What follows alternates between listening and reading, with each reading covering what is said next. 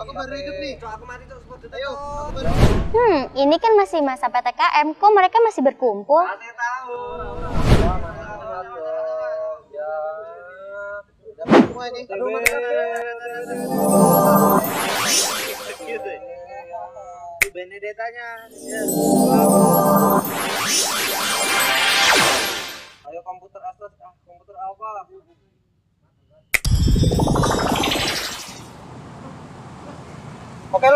Mabar di rumah aja. Tapi sebelum kita pulang, kita olahraga dikit dulu biar sehat. Oke.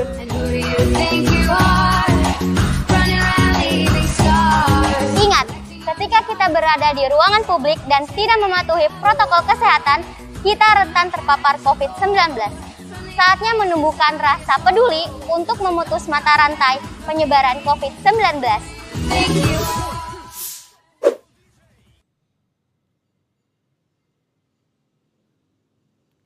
Baik, selamat sore semuanya yang ada di sini dan selamat sore juga untuk warga Jogja yang sedang menyaksikan live streaming Aruh-Aruh Podcast by Diskominfo Daerah Istimewa Yogyakarta.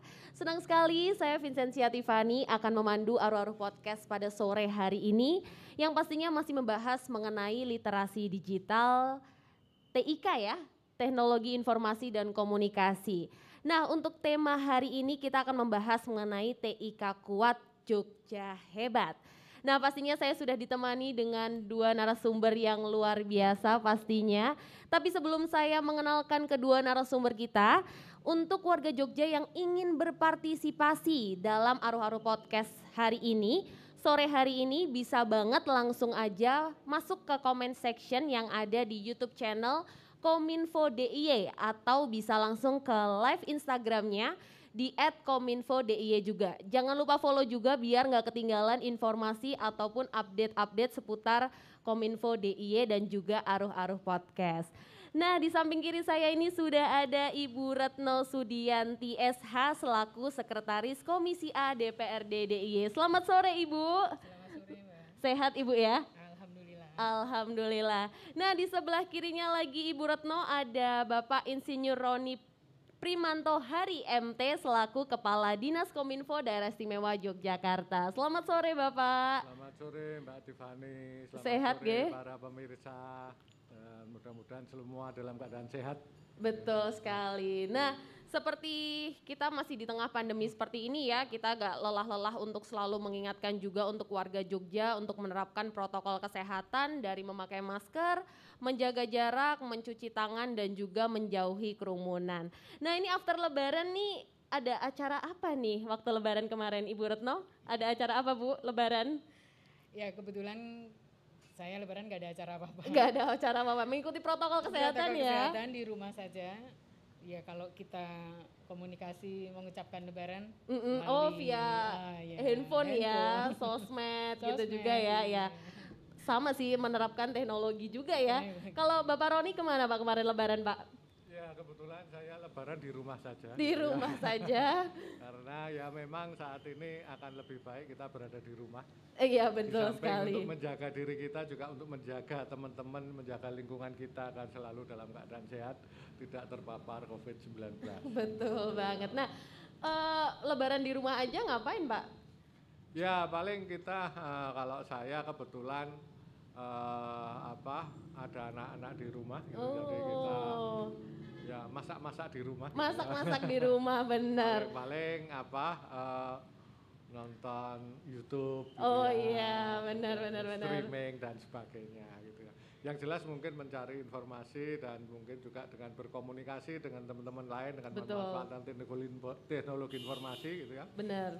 Dan kita juga tetap mengadakan sawalan gitu ya. Oh iya? jalan- Iya, tapi virtual. Oh, via apa, aplikasi Zoom Dengan gitu-gitu ya? aplikasi Zoom, Wah. gitu. Yang penting kita tetap bisa bersilaturahmi Betul. walaupun jarak memisahkan kita katanya gitu. Wah, betul banget. Yang penting tetap jalan ya silaturahmi Iya, ya, betul. meskipun online ya. Iya. Bu Retno juga melakukan juga, Oh, Bu. iya.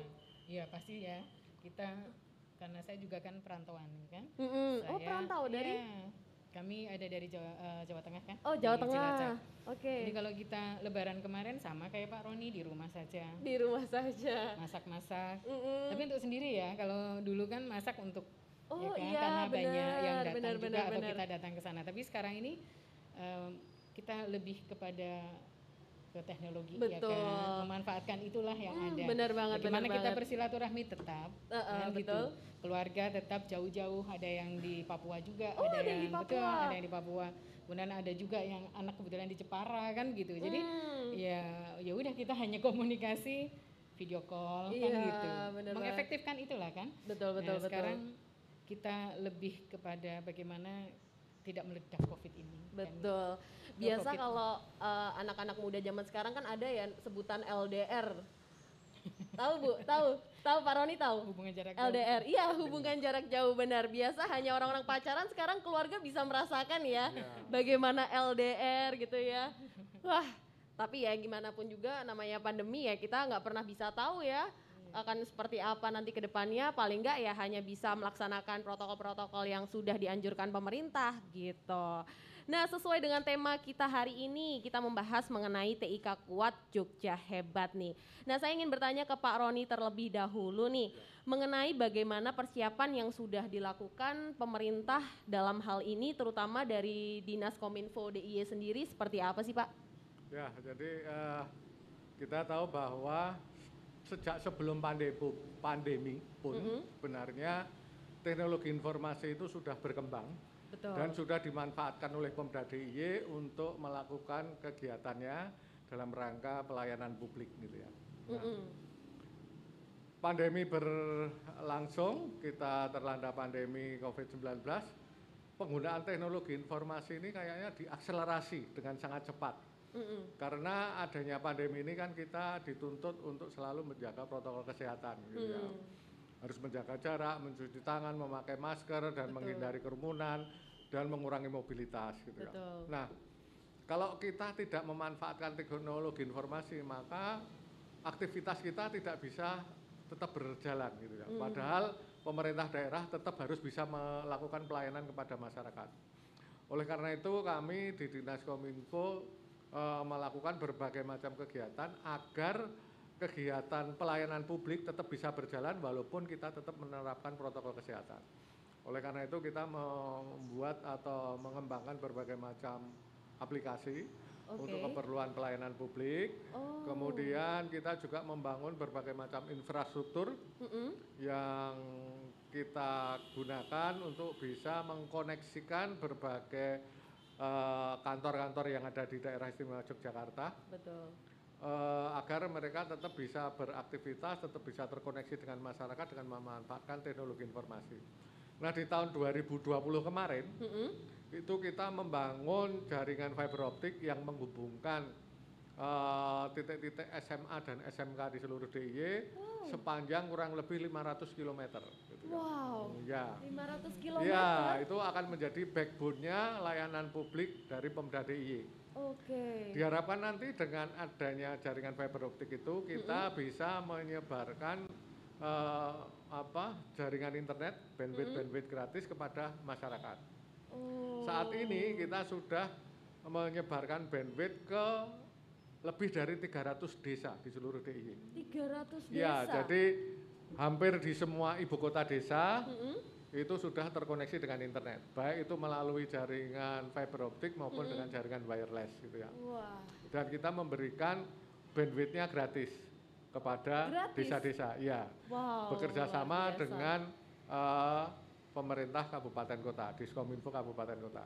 Oh. Kemudian kita juga membuat wifi-wifi gratis di beberapa titik-titik kegiatan publik. Misalnya di sepanjang Malioboro. Sepanjang Ya, Malioboro. mulai dari Tugu itu sampai ke alun-alun selatan itu tergelar eh, titik-titik wifi Wifi Bah, gratis. Kemudian kita juga menyebarkan wifi-wifi gratis ini di pusat kegiatan UMKM yang mikro, tidak tidak yang menengah ya. Oh, iya iya iya. Tapi yang mikro, memang benar-benar mikro. Artinya Hmm, benar-benar. mereka adalah usaha-usaha yang eh, apa? Memang sangat membutuhkan koneksi internet Mm-mm, mm-mm. dan mereka mungkin sangat terbatas pendanaannya sehingga Oh itu iya, kita berikan titik-titik wifi gratis yang bisa digunakan oleh lingkungan masyarakat penggiat UMKM di sekitar situ untuk berkegiatan. Betul. Sebenarnya kegiatan itu sudah kita lakukan sejak tahun 2019. 2019. Tam- Ya, oh, tapi ya. tahun 2020 kemarin terpaksa kita hentikan karena adanya Covid ini. Oh iya betul. Tahun 2021 ini kita lanjutkan lagi kegiatan itu dengan memberikan pendampingan kepada UMKM UMKM itu untuk bisa tetap bisa beraktivitas, tetap bisa menjual badakannya, bisa mempromosikan Betul. dan kita menggunakan eh, kerjasama dengan berbagai pihak agar eh, mereka melek internet. Ki- Kita Iya. adakan literasi digital di Betul, sana, betul, gitu. betul, Ya, betul. gitu. Wah Oke. jadi sudah banyak ya yang dilakukan ya sebenarnya. Iya, gitu. Dah dari Kemudian- 2019 tapi mungkin di 2020 lebih dimatangkan iya. dan lebih diperbesar lagi ya Iya, Pak ya. betul, iya. Karena tidak bisa dipungkiri juga peran internet, peran Iya. sosial media, peran Betul. digital ini sangat penting sekali ya dari dunia bisnis, pendidikan Iya. pun juga. Makanya Betul. perlu banget untuk terus Ya. Dibesarkan ya Pak ya. Betul. Dan eh, saat ini kita sangat didukung oleh Komisi A DPRD DIY Mm-mm. karena Komisi A ini berinisiatif membuat peraturan daerah terkait dengan pemanfaatan teknologi informasi dan komunikasi gitu ya. Oh, Jadi eh, DPRD DIY ini sangat concern untuk mendorong pemerintah daerah mm-mm. memanfaatkan teknologi informasi untuk meningkatkan eh, kesejahteraan masyarakat. Mm. Jadi di dalam perda itu ada empat hal yang menjadi eh, tujuan utamanya. Mm-mm. Yang pertama adalah meningkatkan layanan publik. Meningkatkan Jadi meningkatkan layanan publik, layanan-layanan oke. dari itu ditingkatkan dengan memanfaatkan teknologi informasi. Mm-mm. Yang kedua adalah untuk eh, meningkatkan perekonomian masyarakat. Betul. Jadi diharapkan Ya. nanti eh, teknologi informasi ini bisa dimanfaatkan oleh masyarakat tidak untuk keperluan-keperluan yang konsumtif, tapi keperluan-keperluan yang produktif. gitu Betul ya. sekali. Kalau selama ini mungkin teknologi informasi hanya digunakan untuk melihat informasi, Iya, mencari informasi, betul. untuk ya kita harapkan nanti itu bisa digunakan untuk keperluan yang produktif. gitu ya. Betul. Kemudian yang ketiga itu untuk membantu ketertiban masyarakat. Oke. Jadi kita memasang beberapa CCTV CCTV di beberapa daerah bahkan Oh iya, di benar, benar. di lampu-lampu merah dan sebagainya itu digunakan untuk membantu eh, penegak hukum Mm-mm. TNI maupun Polri untuk memantau kondisi keamanan yang ada di DIY bahkan untuk kondisi lalu lintas pengaturan dan Iya, sebagainya. iya, iya. Kita beberapa waktu yang lalu memfasilitasi Polda DIY untuk eh, bisa mela- me- apa, mengimplementasikan e-tilang. Iya, iya. Ya. Oh iya benar Nah, benar. kemudian yang keempat itu adalah agar teknologi informasi itu juga dipakai untuk membantu menangani kebencanaan. Oh, kebencanaan Ya, juga, karena Pak. di Jogja ini kan daerah yang sangat indah tapi juga Betul. penuh dengan berbagai macam bencana. Bencana, betul nah, sekali. Itulah sehingga kita didorong oleh eh, DPRD DIY untuk bisa mewujudkan pemanfaatan teknologi informasi untuk memprioritaskan pemanfaatan untuk empat hal tersebut. Betul sekali. Wow, berarti sudah banyak Ya. hal-hal yang sudah dilakukan juga ya. Ya. Nah, untuk dari Ibu Retno sendiri nih, setelah apa yang tadi sudah disampaikan oleh Bapak Roni mengenai hal-hal yang sudah dilakukan oleh Kominfo DIY, nah apa kira-kira masih perlu ditambahkan atau diperbaiki lagi Bu untuk men- menuju ke TIK kuat Jogja hebat ini? Eh, pasti pasti ada ya. Jadi tadi yang udah disampaikan Pak Roni ini udah Mm-mm. rigid banget dari Mm-mm. satu sampai Betul banget. sampai empat. Dan kebetulan eh, kami kan dari Komisi A ini Mm-mm. mitra kerjanya Kom- eh, Kominfo. Kominfo ya. Nah, kami mensupport segala sesuatunya Kominfo. Tadi udah disampaikan Pak Roni juga bahwa dari segi anggaran juga kan. Oh, anggaran Jadi ya, kita sudah, benar. sudah, sudah mensupport dan bekerja sama untuk Mm-mm. eh, yang lainnya. Sehingga sebenarnya kalau untuk menambahkan di era sekarang ini memang digital sangat luar biasa ya. Mbak. Betul sekali. Walaupun saya sebenarnya juga kadang-kadang agak gagap juga. agak gagap ya, iya iya. saya juga agak gagap juga ya. Eh, jujur setelah ada pencanangan gini agak agak kenceng ya saya maaf. Saya jadi sekarang mengenal TikTok. Mengenal TikTok ya, TikTok, Iya kan? Instagram ya. TikTok, Instagram. Nah, memang sih kadang-kadang di di di dalam keluarga ada rambu-rambu kan begitu. Betul, Tapi ya betul, udahlah itu betul. itu di dalam keluarga kita. Tapi sebenarnya bahwa eh, teknologi ini sangat membantu sekali. Betul. Terutama benar. untuk UMKM di era seperti ini Iya, kan. iya, Dan iya. yang yang yang sangat luar biasa sekali eh, kalau memang di pasar itu sudah nyun sewu Mm-mm. berjubel mungkin ya kan gitu. Eh, mereka bisa mungkin melalui di rumah dengan Oke. teknologi kan begitu. Betul. Nah, berjualan melalui eh, teknologi itu Mm. dari segi makanan lah kan gitu. Iya. Fashion dan sebagainya itu kan masih bisa bermanfaat artinya Iya, kan. iya benar. Jadi eh, kita ini sangat butuh sekali Mm-mm, Betul. teknologi Iya. dan informasi Iya, kan betul. tentunya. Tetapi yang yang valid. Jadi janganlah yang hoax hoax kan gitu. Ah, betul sekali sekarang apalagi banyak zaman juga sekarang ya. Kadang-kadang anak-anak yang masih milenial ini eh, kurang paham, ya kan? Betul. Mentang-mentang sudah ada teknologi terus eh, mereka main gitu Iya, padahal ada undang-undangnya juga kan Iya. gitu ada ada undang-undang eh, teknologi sehingga kita tidak boleh menyebarkan berita-berita bohong Betul. kan gitu. Dan yang belakangan terjadi kan juga kalau nggak salah yang terakhir kemarin terjadi ada anak di bawah masih masih di bawah perlindungan anak Mm-mm. mereka mencaci nyuwun sewu eh, mungkin yang Wah, Palestina iya, dan sebagainya sehingga eh, itu akhirnya berimbas kepada Iya. dirinya. Jadi Iya benar. Eh, saya menghimbau dari DPR DIY Mm-mm. itu agar anak-anak yang milenial ini bijaklah bersosmed karena Betul. Jari kita ini adalah menentukan ya kan. Iya. Kalau dulu katanya mulutmu harimaumu, Betul. sekarang adalah jarimu Jarimu harimau. karena dari jari-jari ini kita ini sudah sampai ke ke dunia kan ya Mbak ya. Iya. Artinya kita sudah menjangkau seluruhnya. Jadi yes. eh, marilah kita sekarang ini eh, untuk anak-anak anak-anak juga umuran seperti saya juga Iya, ya kan benar. harus lebih bijak juga ber eh, bermedsos. Mm-mm. Jadi kalau kita sudah bermedsosnya udah bijak pastikan akan menciptakan Jogja itu yang lebih hebat Betul lagi banget. kan begitu. Benar-benar. Karena Apal- Jogja ini kan senternya. Iya, Sekali benar. aja kita eh, apa ya, Ya, yang, eh, yang langsung kira-kira oh, dikenal langsung ya. viral lah kan gitu. Benar Kita banget. langsung viral gitu. Benar. Nah, kalau sudah viral seperti ini akhirnya pada turun semua. Iya, gitu kan. iya, Nah, iya, yang iya. yang seperti ini kan yang yang kita hindari sehingga eh, kembali lagi Jogja ini akan hebat. Kan Betul. begitu. Apalagi takutnya nanti jarimu itu menentukan cerminanmu. Nah. Cerminanmu nanti masuknya ke Jogja, Indonesia. Wah, itu yang pa- parah ya, yang bahaya ya. Bahaya, Tapi betul. sekarang udah mulai mempelajari TikTok, Instagram ya Ibu ya? ada sih aplikasinya. Pak Roni ada aplikasi TikTok, Pak? Eh, selama ini saya menggunakan TikTok hanya untuk nonton aja. Oh, nonton belum aja. bikin Sama ya. kontennya, belum bikin kontennya. Eh, bikin kontennya kalau misalnya dikasih tugas nih Pak, kira-kira Ya. mau bikinnya apa Pak? Joget-joget? Enggak ya? Karena kebanyakan Sebenarnya kan sekarang gitu ya. ya, memang eh, konten ini akan mencerminkan siapa kita kan. gitu. Betul, Apa yang betul. kita tulis, apa yang kita upload di Ya. internet itu akan mencerminkan siapa kita gitu ya. Iya. Bahkan kalau eh, di beberapa daerah, di Mm-mm. beberapa negara ya, negara Mm-mm. maju, portofolio dari seorang pencari kerja itu dilihat dari sosmednya. kan Betul, gitu. betul Nah, oleh karena banget. Itu kan kita harus hati-hati itu. Iya, gitu. iya, iya. Karena apa yang kita tulis di sana, Hmm, betul. apa, mungkin statusnya kayak apa, gitu captionnya. betul. Kemudian apa yang kita share itu Iya. mencerminkan siapa kita kan. gitu. Betul, nah betul, itu kita betul. harus hati-hati.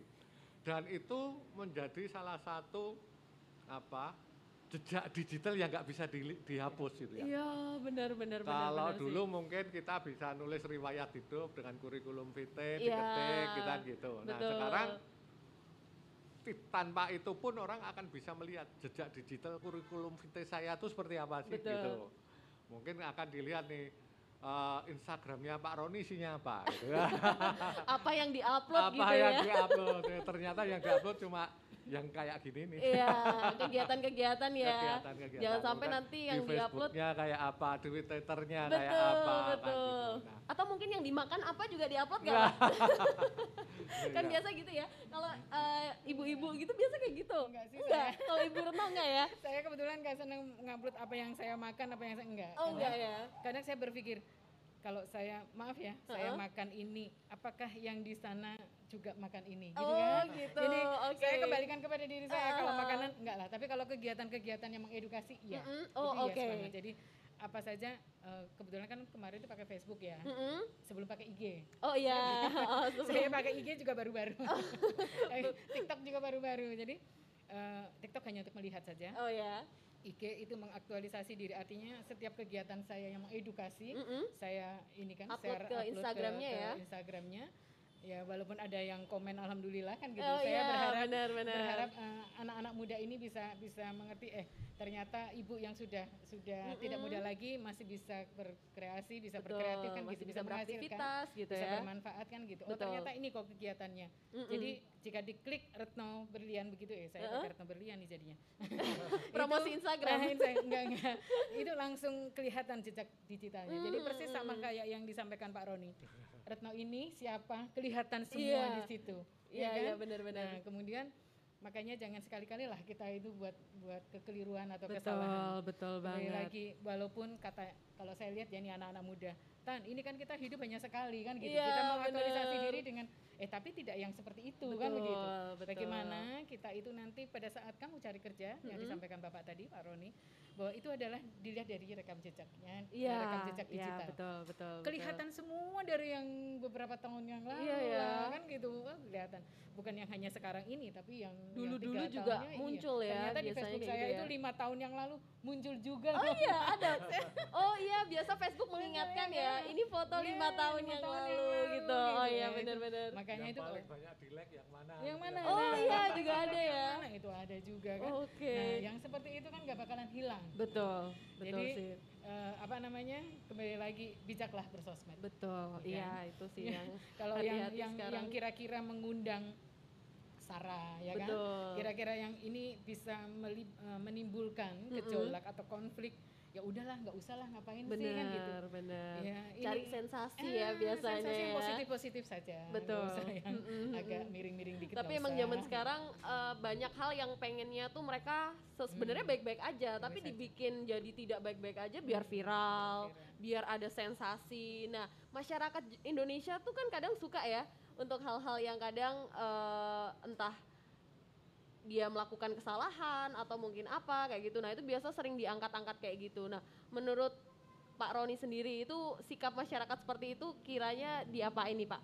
Ya memang gini ya, eh, saat ini kita punya dua dunia istilahnya. Betul. Dunia nyata dan dunia maya. gitu. Iya, betul sekali. Di dunia nyata itu ada batas-batas tertentu Betul. yang yang tidak bisa kita lewati. Jadi misalnya kalau dulu zaman saya itu untuk mendengarkan berita, untuk mencari informasi, itu melihat televisi atau membaca koran atau mendengarkan radio. Betul. di mana radio itu hanya bisa didengarkan di lingkungan tertentu, Iya. radius tertentu gitu kan. Iya, Nah, betul. Kemudian juga koran, koran juga demikian, hanya apa yang ada ditulis oleh koran itu yang bisa kita dapatkan, yang bisa Betul. kita baca gitu. TV juga begitu. TV TV dulu itu semua kalau kita nonton TV itu kan tidak bisa customize. Betul. Artinya susunan acaranya, kontennya Iya. dan sebagainya itu sudah diatur sama yang produsernya di sana gitu. betul. loh. Nah, kemudian kita ada di dunia maya.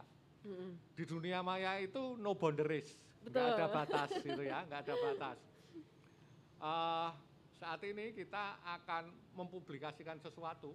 Sekarang saya upload, itu orang yang ada di Jerman baca, punya saya bisa.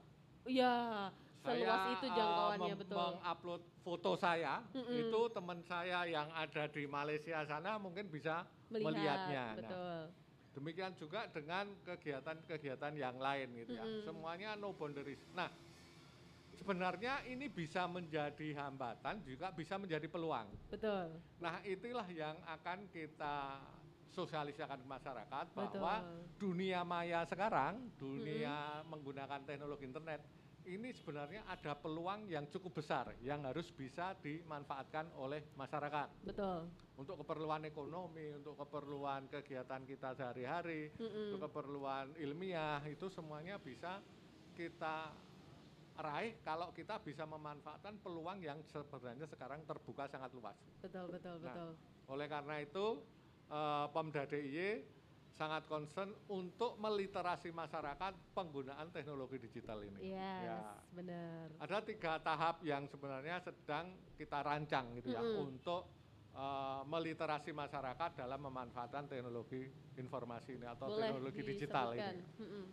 Saat ini mungkin masyarakat di sebagian besar masyarakat itu baru bisa memanfaatkan teknologi informasi untuk keperluan-keperluan yang konsumtif. Ya, biasa seperti Dia itu. hanya untuk melihat YouTube, Betul. untuk mencari informasi, hiburan. untuk berkomunikasi, Mm-mm. untuk berkolaborasi, dan Ya. kemudian mungkin ya sebagian juga untuk melakukan transaksi jual Ya. beli. Nah, tahap ini harus kita lalui dan masyarakat harus bisa melalui itu dengan cara-cara yang baik. Artinya informasi seperti apa sih yang harus dicari, komunikasi yang seperti apa yang harus dicari, Ya, etikanya seperti apa. betul. Beberapa waktu yang lalu ada berita yang mengatakan bahwa netizen di Indonesia ini sudah kehilangan kultur budayanya. Betul. Nah, itu Di yang dunia nyata dulu itu terkenal Indonesia itu ramah tamah gitu Iya. ya. Tapi di dunia maya ternyata Indonesia ini eh, terkenal dengan netizen ya Betul. mereka belum tahu bahwa apa yang dia sampaikan, apa yang dia eh, apa dia upload, Mm-mm. dia komentari Iya. itu eh, Berakibat apa, berakibat Mm-mm, yang macam-macam. sangat luar biasa. Nah, Betul. ini menjadi concern kita di level pertama. Nah, kemudian di kalau di Jogja Mm-mm. ini sebagian lagi masyarakatnya sudah berada di level yang kedua nih. Level yang kedua itu adalah level di mana mereka sudah bisa memanfaatkan teknologi informasi itu untuk keperluan-keperluan yang produktif. Betul. Dia Iya. sudah bisa menghasilkan konten, Ya. sudah bisa mengupload apa, menghasilkan sesuatu dari sana. Nah, Betul. cuman yang kita harapkan bahwa nanti konten yang diharap, dihasilkan itu adalah konten-konten yang edukatif, konten-konten yang mencerahkan, Iya, menambah betul. wawasan. Jangan memang sudah bisa bikin konten nih, kontennya bagus, tapi yang ditampilkan adalah konten-konten yang ujaran kebencian Oh, atau iya, dan sebagainya. Nah, ini jangan sampai. itu Betul, menjadi betul. concern kita gitu ya. Kemudian yang ketiga itu level ketiga itu kalau nanti masyarakat ini sudah sangat demikian maju dan itu menjadi concern kita juga tujuan dari penggunaan apa eh, perda itu yaitu adalah masyarakat yang sudah memanfaatkan big data. Mm-mm. Sekarang ini data yang apa berseliweran di dunia maya ini kan sangat luar biasa gitu ya. Ada beberapa data yang menyebutkan 4 juta tweet itu setiap menit tersebar di dunia Iya, maya. iya, Kemudian iya benar. sekian banyak orang yang melihat YouTube sekian menit dan Betul. sebagainya. Nah, big data ini harus bisa dimanfaatkan. Kemudian ada Internet of Things, ada artificial intelligence. Mm-mm. Nah, hal-hal seperti itu nantinya harus bisa dimanfaatkan oleh masyarakat Jogja agar mereka tidak ketinggalan, agar Betul. mereka bisa eh, bersaing di dunia Digital global ya. Mm-mm. dengan memanfaatkan kemampuan-kemampuan itu. Wah, begitu. Oke, luar biasa. Nah, nanti aku akan ada pertanyaan juga buat Ibu Retno ya. Ya. Nanti seputar bagaimana mengenai yang anak di bawah umur juga yang menggunakan sosmed yang masih kurang untuk diedukasi mungkin seperti apa. Dan juga untuk warga Jogja yang ingin berpartisipasi langsung di Aruh-Aruh Podcast sore hari ini pengen tanya-tanya langsung seputar teknologi informasi dan komunikasi kepada kedua narasumber kita jangan tanyanya tentang udah makan belum ya karena belum. Udah nanti saya jawab ini. Tanyanya seputar tema kita hari ini aja TIK kuat Jogja hebat. Nah setelah ini kita akan mendengar alunan musik dari Sheriff Band ya sudah siap mungkin Mbak Mona Sudah siap. Nah, untuk warga Jogja, selamat menikmati penampilan Serif Band.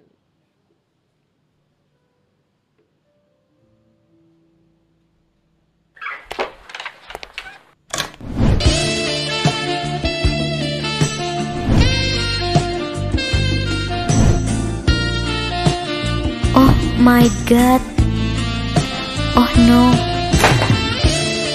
Hmm. Eh, eh, eh, mas, maskernya dipakai dulu. Hehehe. Sini mas, sini mas. Aku kasih masker. Iya mbak. Aku kira mereka terpesona. Terpesona. Aku. Nah, Mas, selain memakai masker, kita juga harus taat terhadap protokol kesehatan yang lainnya, seperti mencuci tangan dengan sabun dan air, menjaga jarak, dan juga mengurangi mobilitas dan menghindari kerumunan. Bersama lawan COVID-19, Jogja bisa. Jogja Eling lan waspada.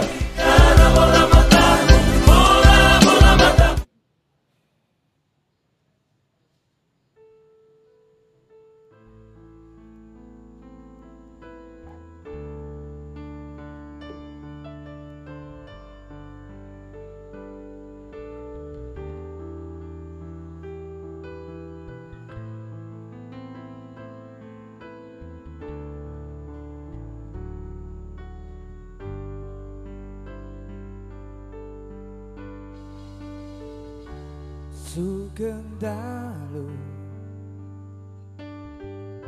Ati sing biyen tau ngelarani. Wis suwe wirarine Welu ngomong masalah sepele We golek liyane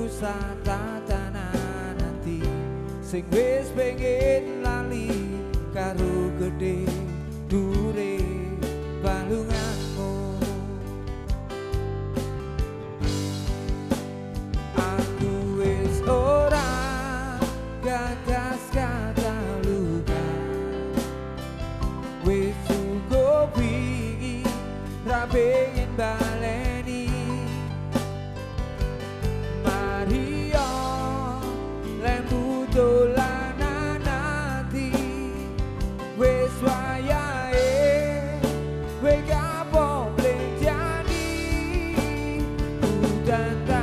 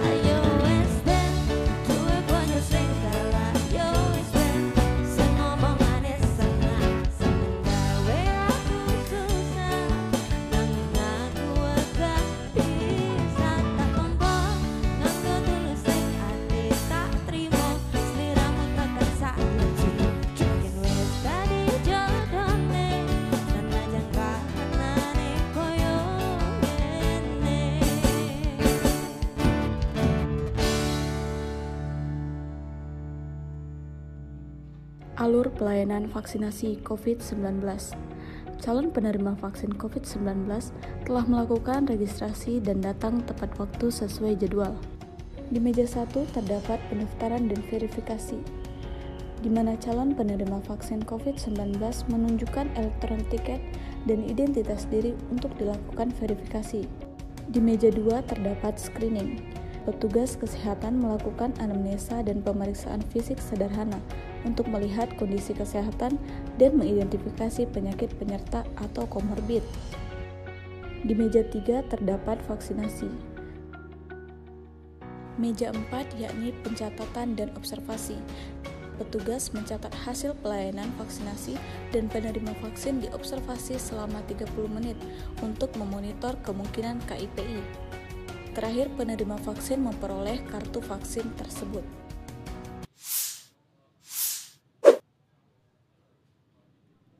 Ya warga Jogja, terima kasih Anda masih bersama kami di Aruh-Aruh Podcast ya. Terima kasih untuk Serif Band juga yang sudah menghibur kita-kita semua yang ada di sini dan juga warga Jogja yang di rumah ya. Tadi Ibu Retno di samping saya udah tepuk-tepuk ya, merasa terhibur ya Ibu ya kita ya. Dengan lagu Bojo Galak loh. Kalau eh, Tiffany seusia kayak gini jadi kangen konser sih jujur kalau denger lagu-lagu kayak gini nih. Jadi kadang kan dulu sering ya konser-konser di daerah Gor Wenye, Gor Among Rogo gitu. Sekarang udah nggak ada ya diwakilkan nih bareng Sheriff Band ya dengan lagu Bojo Gala. nah tadi melanjutkan tadi nih Bu Retno yang mengenai tadi seperti yang Bu Retno bilang mengenai anak muda yang eh, bahkan anak di bawah umur ya yang sudah menggunakan sosial media, menggunakan teknologinya tapi salah nih. Nah kira-kira mengedukasinya seperti apa Bu? Menurut Ibu Retno nih. Eh, sebenarnya kurang maju kali ya. Jadi eh, sebenarnya itu peran per- eh, peran serta orang tua juga dibutuhkan Betul. karena sekarang ini anak sekolah juga kan virtual. Iya betul. Dari mulai SD kelas 1 kan Benar, gitu, dari betul. SMA gitu kan. Ini harus didampingi sebenarnya. Jadi Mm-mm. pendampingan orang tua. Betul. Kalau itu karena memang kan virtual di rumah. Kemudian eh, kadang ada anak-anak yang membuka ternyata di tempat yang salah.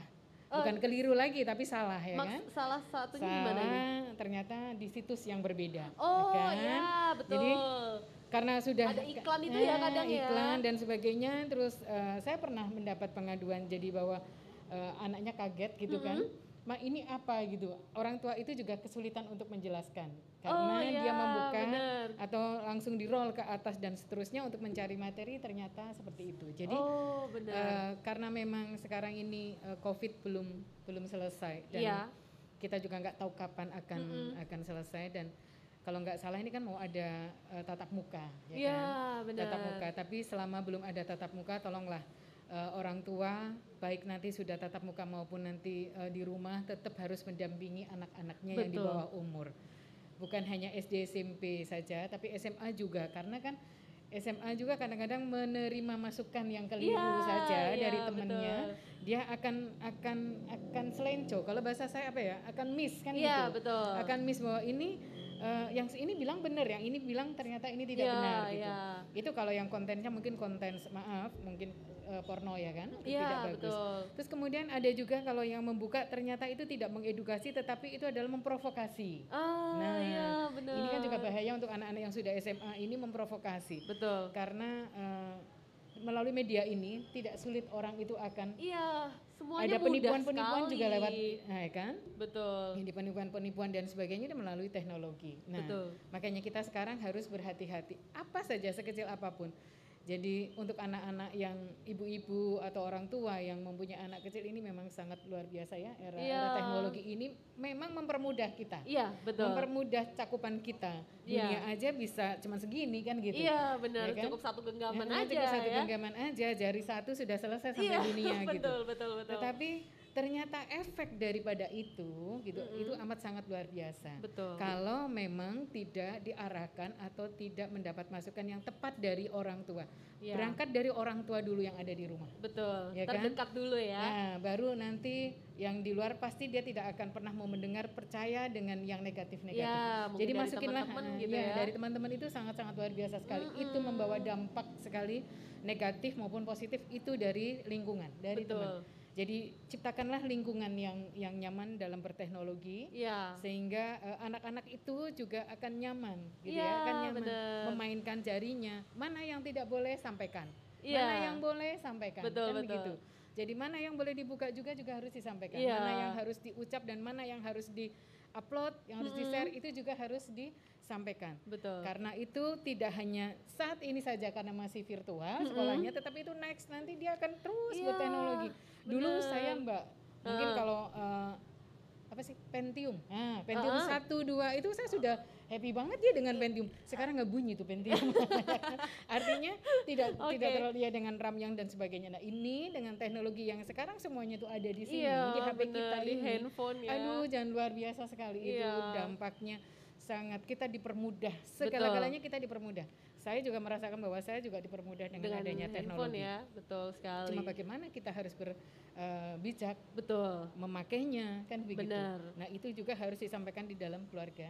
Benar, kita. jadi peran orang tua, peran peran tua. kakak, Iya, adiknya gitu ya, masnya, bude, pak de, semuanya ya. Semuanya, Itu harus bisa ya selain mengajarkan juga harus memantau ya, bagaimana anak kecil gitu menggunakan sosial media. Bahkan sekarang anak umur 4 tahun itu kemarin sempat saya temui, dia udah tahu TikTok gitu loh. Nah. Mama TikTok, mama TikTok, mama YouTube, mama TikTok. Aduh, ini yang luar biasa maksudnya kayak yang biasa kita mainannya dulu apa sih? Iya. Kayak eh Nah, dakon ya. tali, Nah, dakon gitu ya. Sekarang mainannya udah beda anak umur 4 Mainannya beda. tahun ya. Untung itu bukan anak saya. Oh bukan ya? Kalau minta ma TikTok, ah mboh nggak ngerti saya titik untuk bikin akunnya. aja.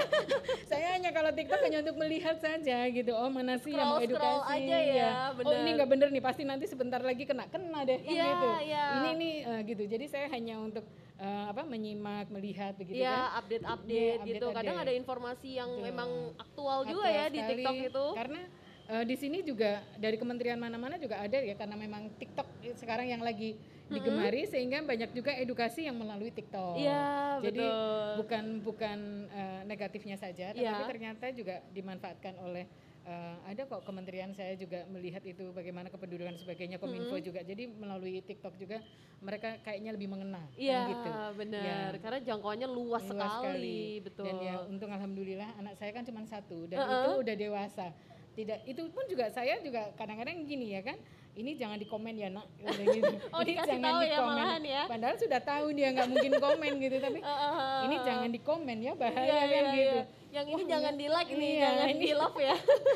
Eh akhirnya sebaliknya juga sama mamanya juga begitu. Ini jangan ya. Tapi biasa sehari kalau nge-scroll TikTok bisa berapa lama tuh? Kadang satu jam nggak terasa ya. Iya, Coba Pak. Roni. Pak Roni seberapa lama Pak biasa kalau scroll TikTok Pak?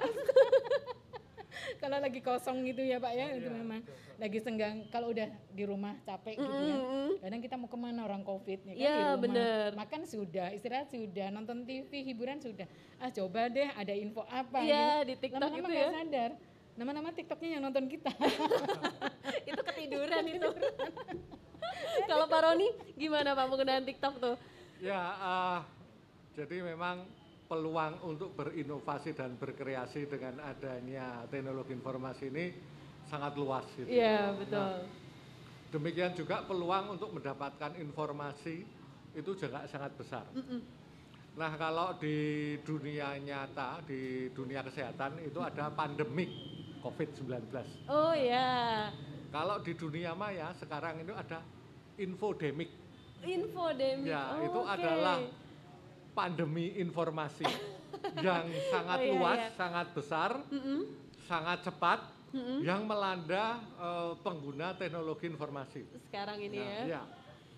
Berdasarkan hasil eh, investigasi yang dilakukan oleh Kominfo, Kementerian Kominfo bekerjasama dengan berbagai pihak, Mm-mm, selama setahun masa pandemi itu mm-mm. kita itu menemukan ada kurang lebih 1550 sekian Wow, informasi hoax.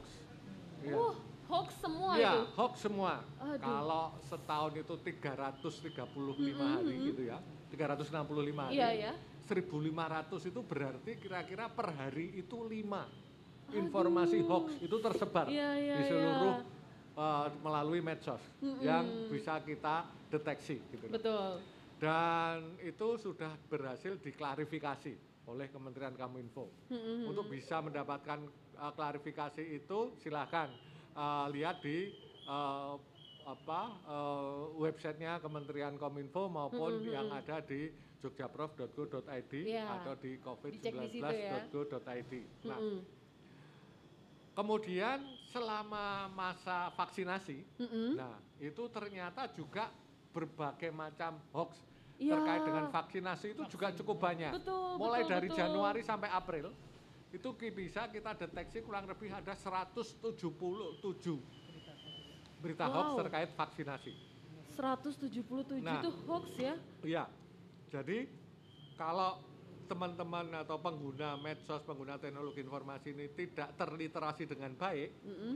maka dikhawatirkan mereka akan terpapar informasi. Kalau kemarin terpapar COVID, ini masih ditambah lagi terpapar informasi, hoax. betul. Nah, ini perlu kita waspadai juga gitu ya. Dan itu menjadi concern kami sehingga kami punya program Mm-mm. yang namanya bijak bermedia sosial di mana Oh, iya. kita tahun ini diberi eh, anggaran untuk bisa melakukan kegiatan itu ter- sebanyak 50 kali selama Oh. setahun untuk meliterasi masyarakat agar dia agar mereka masyarakat di Jogja ini bisa bijak bermedia sosial Betul, gitu ya. betul. Eh, Program ini kita laksanakan dengan mendatangi di beberapa desa-desa di kabupaten kota Mm-mm. dengan mengundang tokoh-tokoh masyarakat di sana Mm-mm. gitu agar mereka nantinya kita memang di masa pandemi ini tidak bisa mengundang banyak orang nih Betul. karena adanya pandemi ini maka terbatas gitu Iya. ya kan? Ini sudah kita laksanakan sejak sebelum Covid sebenarnya Iya. tahun 2020 kemarin sempat berhenti memang. Uh-uh. Nah, tahun 2021 kita mulai lagi. Kita mengundang tokoh-tokoh masyarakat, tokoh-tokoh masyarakat di sekitar situ gitu ya. Anak mudanya, karang Ya. tarunanya agar mereka nanti bisa menularkan tentang bijak bermedia sosial ini gitu ya. Betul. Yang paling penting adalah bahwa kita harus tahu tentang etika berinternet. Mm. Kalau di namanya netiquette, internet etika di internet netiquette. Sehingga mereka tidak terjerumus dalam kegiatan-kegiatan atau mendapatkan informasi yang tidak benar, yang negatif, yang justru akan merugikan mereka, merugikan lingkungannya, merugikan keluarganya dan bahkan merugikan masa depannya. Iya, gitu. Nah, betul. itu yang perlu diwaspadai. Jadi eh, bijak bermedia sosial dan aman berinternet. Betul. Artinya kalau bijak itu bagaimana kita bisa menyikapi informasi-informasi yang kita dapatkan dan bagaimana kita bisa menyikapi untuk bisa menggunakan eh, media sosial dengan baik Mm-mm. dan juga bagaimana kita bisa aman. Karena Mm-mm. kita kan akhir-akhir ini banyak berita bahwa ada yang WhatsApp-nya dihack, Iya. kemudian Facebook-nya, Instagram-nya dihack, Betul, diambil alih oleh orang lain. Nah, ini kita juga me- apa, meliterasi mereka bagaimana agar aman Iya, dalam memanfaatkan betul. media sosial dan nyaman.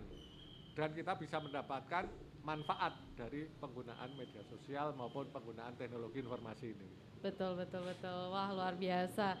Nah, sebenarnya untuk eh, satu tahun eh, setelah pandemi ini juga setelah berjalan mungkin untuk pemulihan ekonomi, kesehatan, pendidikan, wisata pun juga ya, terutama kan Jogja ini daerah wisata ya. Iya. Pastinya udah mulai untuk menerapkan menggunakan eh, teknologi informasi dan komunikasi secara langsung ya, Ya. digital secara langsungnya seperti apa. Karena yang seperti eh, Tiffany udah lihat-lihat juga mulai meningkat ya mengenai informasi pariwisata juga sekarang mulai lebih update lagi daripada yang sebelum-sebelumnya. Pantai-pantai yang ada di Gunung Kidul juga mulai diupdate lagi gitu dengan adanya teknologi informasi via Instagram, TikTok pun juga ada gitu ya mengenai informasi-informasi Ya. wisata. Nah, di tengah eh, pandemi seperti ini nih menurut Ibu Retno mungkin. Nah, cara yang bisa produktif di masa pandemi ini biar kita tetap nggak melupakan protokol kesehatan nih kira-kira seperti apa Bu? dalam bersosmed ya. Iya, heeh. Deh, kita itu memang harus lebih mengedukasi atau mensosialisasikan ya. Mm-mm. Mensosialisasikan eh, bagaimana kita eh, lebih bijak lagi untuk bersosmed, Mm-mm. bermedia atau berteknologi karena eh, menurut saya gini. Jadi pada saat kita ini sudah tidak ada rasa untuk bisa mengerti atau paham ini ini ini akan akan parah ya kan. Iya, iya, masyarakat benar. ini akan aduh tidak ada edukasi lagi Iya. tidak ada sosialisasi lagi Heeh, nah betul. ini kan bisa dilakukan mungkin seperti yang tadi disampaikan oleh Pak Roni memang tidak boleh mengumpulkan banyak orang Mm-mm.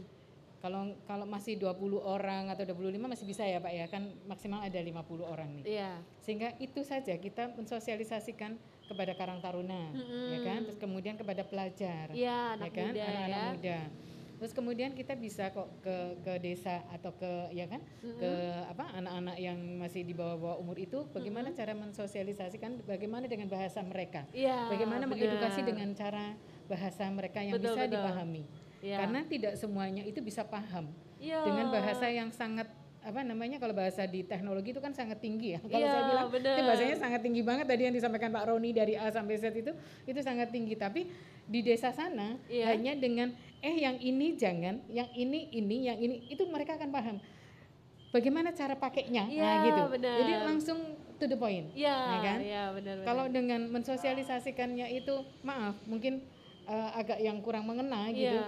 ya itu akan akan jadi malah Oh, oh, blunder cuma ya kan masuk kuping kiri Betul. keluar kuping kanan ya. Betul.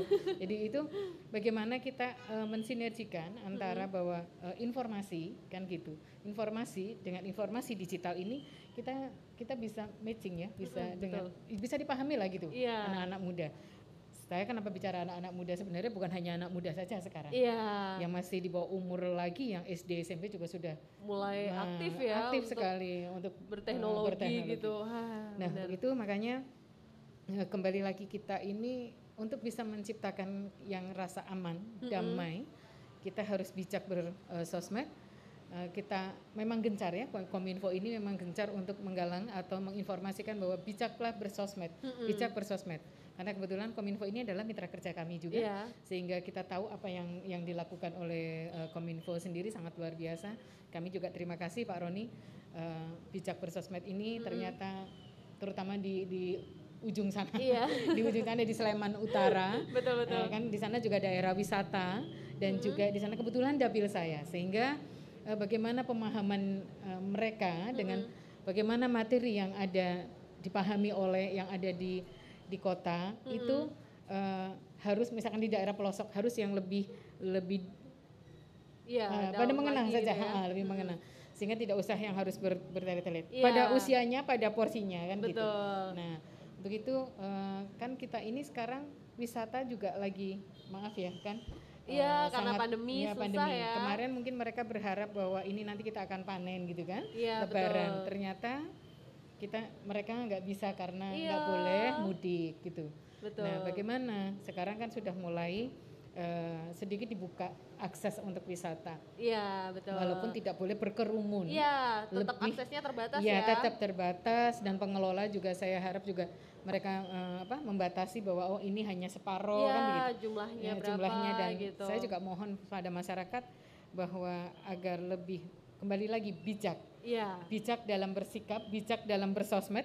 Iya, mengambil Bijak- keputusan Nah, juga. bijak Wah. dalam berpikir sehingga apa saja yang ada di karena ini kita masanya masa sulit sekali kan gitu Betul. era di mana masa sulit sekali pandemi bubar-bubar kan gitu nggak Iya, iya, rampung-rampung benar. sehingga Pak Roni juga ikut pusing kan gitu Pak Roni juga ikut pusing Iya, kan gitu. iya. bagaimana eh, agar kita ini ekonominya bisa maju dengan Betul. teknologi ya kan terus kemudian pariwisatanya juga Iya. bisa maju kemudian eh, Pendidikan kita pendidikannya juga ya. juga bisa maju tanpa ada yang maaf itu tadi keliru ya ada Iya, yang salah betul, betul. jadi bagaimana penerapannya nah itulah sebenarnya eh, kesulitan ini tidak hanya dirasa oleh saya saja kan Iya, gitu tapi tetapi oleh seluruhnya ya. seluruh dunia bahkan ya kalau Iya. sekarang ini sudah apalagi seluruh Betul, Indonesia betul, betul. itu loh mbak jadi eh, pendampingan kita harus terus Betul. bersosia disosialisasikan itu harus ya kan ada mungkin seminar-seminar sosialisasi dan Iya, sebagainya lah betul untuk sekali. ini untuk berbijak bersosmed Iya. kemudian eh, untuk bisa menciptakan Jogja yang aman Hebat. hebat, Tapi aman itu- juga ya. mm, ya itu dia tadi kembali lagi kita harus bijak bahasanya bijak ber Betul sekali. sosmed. Selain bijak juga, eh, apalagi sekarang karena udah digital ya, Hmm. teknologi informasi dan komunikasinya sudah mulai meluas gitu. mungkin dituntut juga untuk lebih kreatif ya sekarang ya. Kreatif. Entah dari masyarakat atau mungkin dari anak-anak muda, dari pelaku-pelaku usaha itu juga dituntut kreatif bagaimana bisa eh, memanfaatkan digital ini Digital gitu ya. Entah bagai dari eh, penampilan, packaging gitu-gitu ya. Sekarang agar terlihat di kamera itu bagus seperti apa Hmm, gitu, dari lighting juga. Jadi benar-benar kreativitas itu dituntut agar bisa lebih produktif juga ya. Jadinya semuanya bisa berjalan. Ya kan? Kreatif. bener banget. Mau foto aja saya dengan Mbak Tiffany gini tiba-tiba besok Mbak Tiffany langsung nge-crop saya juga bisa. Teknologi lagi kan gitu. Bener bener bener bener bener. Kembali teknologi. Misalnya eh, saya di sini kelihatan pipinya tembem gitu ya, pengen ditirusin gitu tinggal dipotong pipinya. bisa bisa. Saya suka kan? begitu, saya suka begitu. eh, anak zaman sekarang begitu. Teman-teman Tiffany juga kadang kalau misalnya aduh kelihatan kakinya gede dikit ditarik deh biar kelihatan kecil kayak gitu. Itu hoax bukan Pak Roni. Ya itu apa eh, informasi yang salah gitu ya. Karena tidak menunjukkan kenyataan. Iya bener. Cuma namanya itu karena informa teknologi informasi sekarang tuh, wah dengan mudahnya begitu ya diedit-edit jadinya yang gelap jadi putih gitu juga bisa. jadi misalnya kadang kan ada yang misalnya ini kita ketemu orang belum pernah ketemu di fotonya wah cantik, banget nih cewek nih gitu ya. Eh setelah ketemu beda. Nah itu banyak hal-hal yang kadang sering ditemui juga sekarang gitu ya. Nah tadi kita udah buka juga untuk sesi tanya jawab dan ada beberapa pertanyaan nih ternyata yang sudah masuk di comment section yang ada di YouTube channelnya dan juga Instagramnya @kominfo.diy. Ini ada pertanyaan nih Pak, Eh, saya ingin bertanya ke Pak Roni dahulu ya. Ini dari Tian Santoso 91. Ya. Bagaimana sosialisasi dengan yang di daerah pelosok yang mana banyak masih yang belum belum melek ini Pak tentang internet gitu seperti apa? Ya, tadi sudah saya sebutkan bahwa ada tingkat tingkatan literasi digital yang akan kita lakukan gitu ya. Yang pertama adalah literasi untuk masyarakat yang masih eh, belum paham tentang bagaimana media sosial, bagaimana teknologi informasi dan komunikasi gitu ya. Nah, itu kami lakukan dengan cara melakukan kegiatan sosialisasi atau literasi dengan mendatangi tempat-tempat tersebut.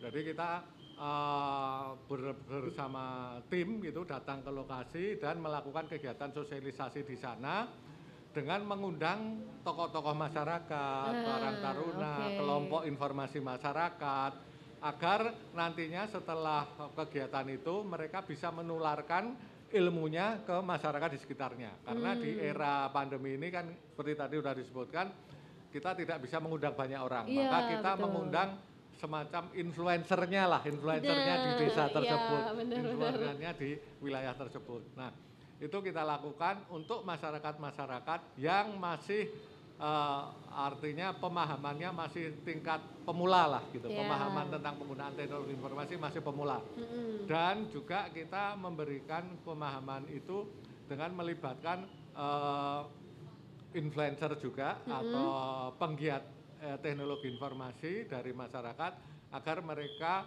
mendapatkan pengalaman tentang Iya. bagaimana memanfaatkan eh, teknologi informasi. Kemudian untuk masyarakat yang di level yang lebih maju lagi, nah kita di sini nih di coworking space ini kita mempunyai tempat dan perangkat yang bisa dimanfaatkan oleh masyarakat secara gratis agar dia bisa berinovasi, berkreasi, memanfaatkan teknologi informasi yang ada. Kita juga ada kelas-kelas khusus untuk mereka yang sudah paham tentang bagaimana eh, misalnya meningkatkan kemampuan mereka dalam membuat eh, podcast ini misalnya Oke, atau ya. bagaimana dia membuat vlog Oh atau ya, juga, vlog bener. eh, menjadi youtuber Iya. atau dan bahkan ada beberapa kegiatan yang kita kerjasama dengan eh, netizen juga dengan teman-teman netizen agar eh, masyarakat yang punya talenta digital itu bisa eh, bisa mem- meng- eh, apa, menginovasi atau mengekspresikan Iya, kemampuannya. benar.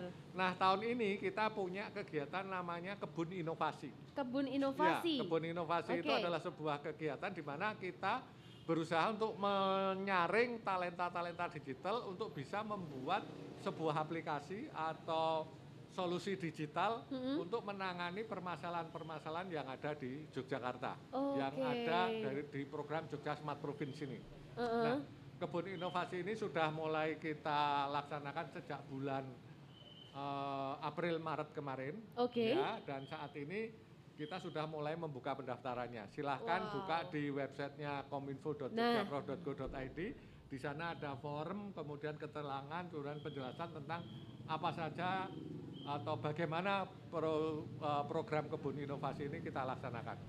Nantinya kita akan memilih lima talenta digital, lima kelompok gitu. Jadi satu eh, kelompok itu bisa terdiri dari tiga atau lima orang gitu ya, Mm-mm.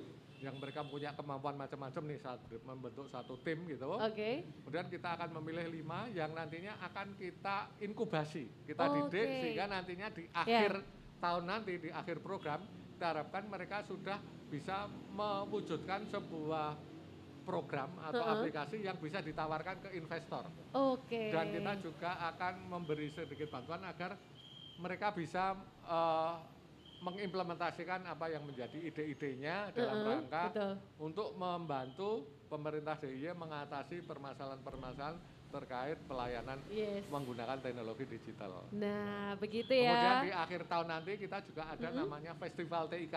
Wah. Jadi di Festival Festival TIK. TIK itu kita akan mengundang eh, teman-teman yang selama ini berkegiatan ber- dengan menggunakan teknologi informasi, Mm-mm. mereka untuk bisa menampilkan hasil kreativitasnya, Karya-karyanya. hasil Wah, karyanya, bisa bener. berupa foto, berupa Bener. video, atau mungkin berupa aplikasi, Wow. atau mungkin juga menghasilkan sesuatu terkait dengan artificial intelligence Uh, atau uh, uh. Internet of Things, silahkan nanti akan Oke, di uh, di akhir tahun TIK. nanti kita akan mengadakan kegiatan itu. Kita harapkan Oke. nanti kegiatan itu bisa berlangsung setiap tahun sehingga uh, potensi dari uh, penggiat teknologi informasi yang ada di Jogja ini bisa tampil. Betul. Selama ini kita tahu bahwa potensi kita itu sangat besar. Mm-mm. Namun ternyata mereka hanya bekerja untuk perusahaan lain yang ada di Jogja yang ber, apa uh, membuka kantor di Jogja. Iya, kita iya. harapkan nanti muncul perusahaan yang dari Jogja Heeh. untuk mendunia gitu ya. Oke, wah luar biasa. Iya. Festival TIK ya di Ya, akhir tahun. Nah, itu juga bisa jadi TIK. wadah Betul. juga ya. Ya. Keren ya. Dan semoga menjawab ya untuk eh, Tian Santoso 91 nih tadi sudah dijawab langsung oleh Pak Roni. Nah, ini pertanyaan kedua untuk Ibu Ratna ya, Bu Retno. Selamat sore, izin bertanya dari Riani underscore 22.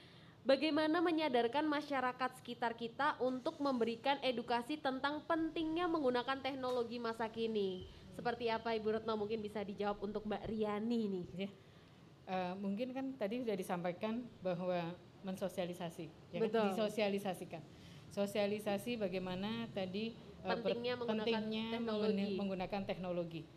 Bagaimana ba- itu tadi saya sudah sampaikan bahwa ini yang boleh, ini yang tidak boleh. Iya. Ya kan? Benar. Ada etikanya kan begitu. Yes. Etikanya seperti apa sih kan begitu. Itu Iya. nanti eh, ada sosialisasinya dan itu memang sudah programnya Kominfo dan itu sudah berjalan ya Pak. Itu sudah berjalan dan itu tadi namanya bijak bersosmed. Ya. Karena saya pernah ngisi waktu itu ada di ada di eh, desa malahan waktu itu di Oke. ya. Jadi eh, pesertanya bukan hanya eh, anak-anak muda tetapi juga ada seumuran saya bahkan lebih senior lagi gitu. Uh. Ya. Jadi mereka juga eh, mungkin sudah di udah di udah di ini ya bahwa ini yang bisa tadi tadi sudah disampaikan sama Pak Roni ada beberapa tingkatan ya kan.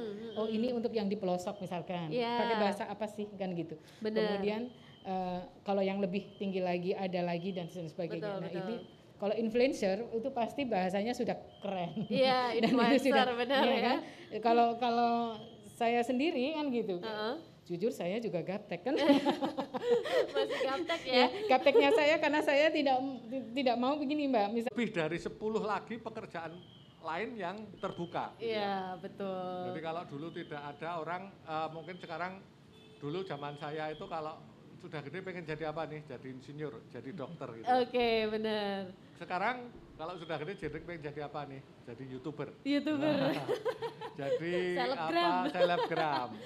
Dan itu ternyata hasilnya sangat luar biasa. Iya, nah, betul. itu maka peluang-peluang itu harus kita sosialisasikan ke masyarakat, kita Benar. eh, apa kita buka wawasan mereka bahwa teknologi ini membuka peluang yang sangat banyak dan itu harus kita manfaatkan dan kita harus bijak memanfaatkan Yes, itu. betul. gitu. Jadi nggak melulu semuanya tuh Betul, negatif, ya, tapi juga ada ya. positifnya. Nah, begitu untuk Mbak Marta Fitria ya, semoga terjawab pertanyaannya yang tadi disampaikan oleh Pak Roni langsung. Iya. Nah, mungkin bisa disampaikan nih untuk yang terakhir mengenai eh, harapan dan pesan nih untuk masyarakat, terutama untuk warga Jogja ya, agar bisa TIK kuat dan menjadikan Jogja yang hebat nih. Mungkin untuk pertama Ibu Retno, mungkin bisa disampaikan harapan dan pesannya untuk warga Jogja. Ya. Eh, kalau harapan dan pesan saya itu bijaklah bersosmed. Kembali Bijak. lagi saya selalu menyampaikan bahwa bijaklah bersosmed. Bahwa dengan sosmed itu kita eh, dipermudah, ya kan? Sosmed itu kita dipermudah, diperluas cakrawalanya dan sebagainya, Yes. ya kan? Tetapi eh, dari sosmed itu juga ada negatifnya. Untuk itu makanya kita harus satu bijak, bijak bersosmed. Nah, itu tadi ya pesan untuk warga Jogja dari Ibu Retno, bijaklah bersosmed. Nah, untuk Pak Roni, mungkin bisa disampaikan harapan dan pesannya untuk warga Jogja? Ya, bahwa eh, teknologi informasi itu membuka peluang kita untuk bisa lebih berkembang dan meningkatkan kesejahteraan masyarakat. Betul. Oleh karena itu, marilah kita bersama-sama untuk belajar tentang bagaimana memanfaatkan teknologi informasi itu agar bisa digunakan untuk keperluan-keperluan yang produktif. Betul. Gitu ya. Sehingga eh, masyarakat ini menjadi masyarakat yang melek teknologi informasi Yes. dan mereka bisa merasakan manfaat dari penggunaan teknologi informasi ini. Peluang-peluang yang terbuka menjadi sangat besar sekarang. Betul. Oleh karena itu diperlukan kreativitas dan inovasi dari seluruh dari masyarakat agar mereka bisa memanfaatkan peluang-peluang yang ada di dunia teknologi informasi ini Betul. untuk meningkatkan kemampuannya, meningkatkan pro- perekonomiannya dan meningkatkan kesejahteraannya.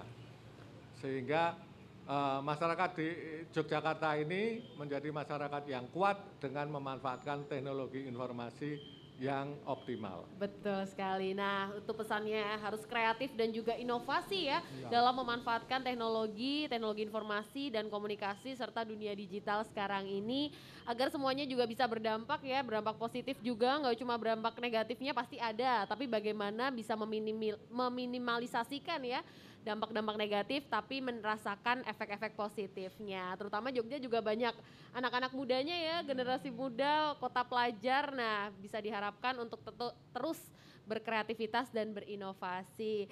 Nah, tak terasa sudah sejam ya kita menemani warga Jogja yang ada di rumah di live streamingnya Aruh Aruh Podcast. Terima kasih untuk kedua narasumber kita Ibu Retno dan Pak Roni. Semoga sehat selalu ya Ya, amin. dan menjalankan tugas-tugasnya mantap ya walaupun banyak tantangan tetap semangat ya. harus semangat. Terima baik terima kasih untuk warga Jogja yang sudah menyaksikan live streaming Aruh Aruh Podcast by Diskominfo Daerah Istimewa Yogyakarta. Dan kalau ada yang salah kami mohon maaf salah kata ataupun perbuatan dan saya Vincentia Tiffany pamit. Terima kasih sampai ketemu di Aruh Aruh Podcast episode selanjutnya. Dan untuk menutup Aruh Aruh Podcast hari ini akan ada Sheriff Band yang pastinya akan menemani warga Jogja di rumah. Selamat sore dan wassalamualaikum warahmatullahi wabarakatuh. Kau